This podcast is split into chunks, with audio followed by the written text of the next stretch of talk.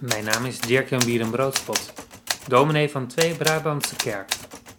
Ik lees je een column voor van geloofswoorden.nl. Ossestaartsoep met tranen. Ze had net de ossestaartsoep op tafel gezet. Eerst even goed blazen. De soep is soms zo verraderlijk heet. En met haast hetzelfde automatisme. Dit jaar gewoon uit een blikje hoor. Ik kon het niet opbrengen om het te maken zoals vroeger. Maar ossestaartsoep hoort wel bij kerst, al is het dan uit blik. Ze had de eerste lepel nog maar nauwelijks geproefd toen er gebeld werd. Lang en driftig eigenlijk, alsof ze daardoor sneller bij de deur kon zijn. Verbaasd, maar ook een beetje kribbig valt ze uit: Wat doe jij nou hier? Voor haar neus staat Richard, haar kleinzoon. Het is haar eerste kleinkind. Zestien is hij alweer. Je zou toch naar Annemiek en haar ouders?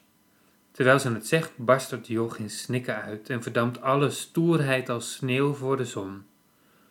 Ze heeft me gedumpt, gewoon na sluitingstijd, waar nog net niet de hele vulploeg bij stond. Ze zei dat ze geen zin meer in had en ik maar gewoon thuis kerst moest vieren. Daarna draaide ze zich om en ging ze er vandoor. Maar waarom ben je dan niet naar huis gegaan, jongen, en sta je nu hier? Met het stellen van de vraag voelt ze al spijt opkomen. Ze wacht zijn antwoord niet af, pakt zijn hand en trekt hem over de drempel heen naar binnen. Ze slaat haar armen om hem heen en legt haar hoofd tegen zijn schouder aan. Wat is hij groot geworden? Nou ja, jongen, kom er maar in. Doe eerst je jas uit en kom verder. Je weet de weg. Ga maar voor. Ik ben niet meer zo vlug. Ze volgt hem de kamer in. Oma, wat is dit nou? Ze bloost er een beetje van. De tafel is voor twee gedekt. Er staan twee borden soep. Tegenover de plaats waar ze zelf altijd zit, staat een foto van haar man. Daar zat hij altijd. Tot het in april fout ging. Lang is hij niet ziek geweest. Het was ook heel snel duidelijk dat het op was. Hij is rustig gegaan, maar hij laat een lege plaats achter die plaats wendt niet. Ze wilde dit jaar met kerst ook niet bij de kinderen zijn. Het is vreemd, maar juist dan mist ze hem het meest. Thuis blijft ze zo vaak voor zijn foto staan, vertelt ze gewoon even dat ze naar de Jumbo gaat. Vraagt ze zich hardop af of ze Richard daar nog even tegenkomt of dat hij nu op school zit. Ze wilde gewoon samen eten. Het voelde niet eens gek maar schaamt zich er nu wel een beetje voor.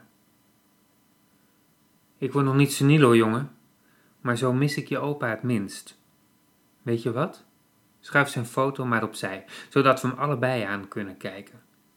Heel veel trek zal hij vandaag toch wel weer niet hebben. Ze moeten er allebei een beetje om grinniken. De soep zal nu wel op temperatuur zijn.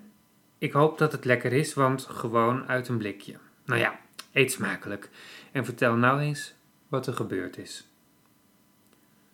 Als de soep al lang op is, de nodige tranen hebben gevloeid en het hele verhaal verteld is, draait Richard zich naar het portret van zijn opa. Weet je nog, opa? Wat je altijd zei over de soep?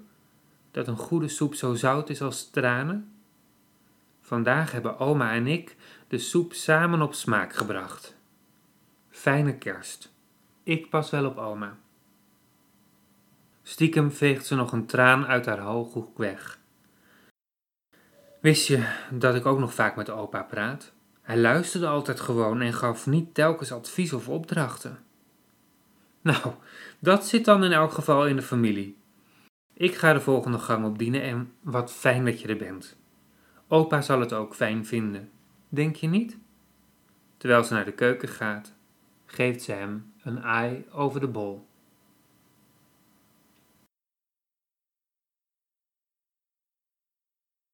Je luisterde naar een column die ik schreef voor geloofswoorden.nl. Vond je het de moeite waard? Deel het gerust met anderen. Graag tot een volgende keer.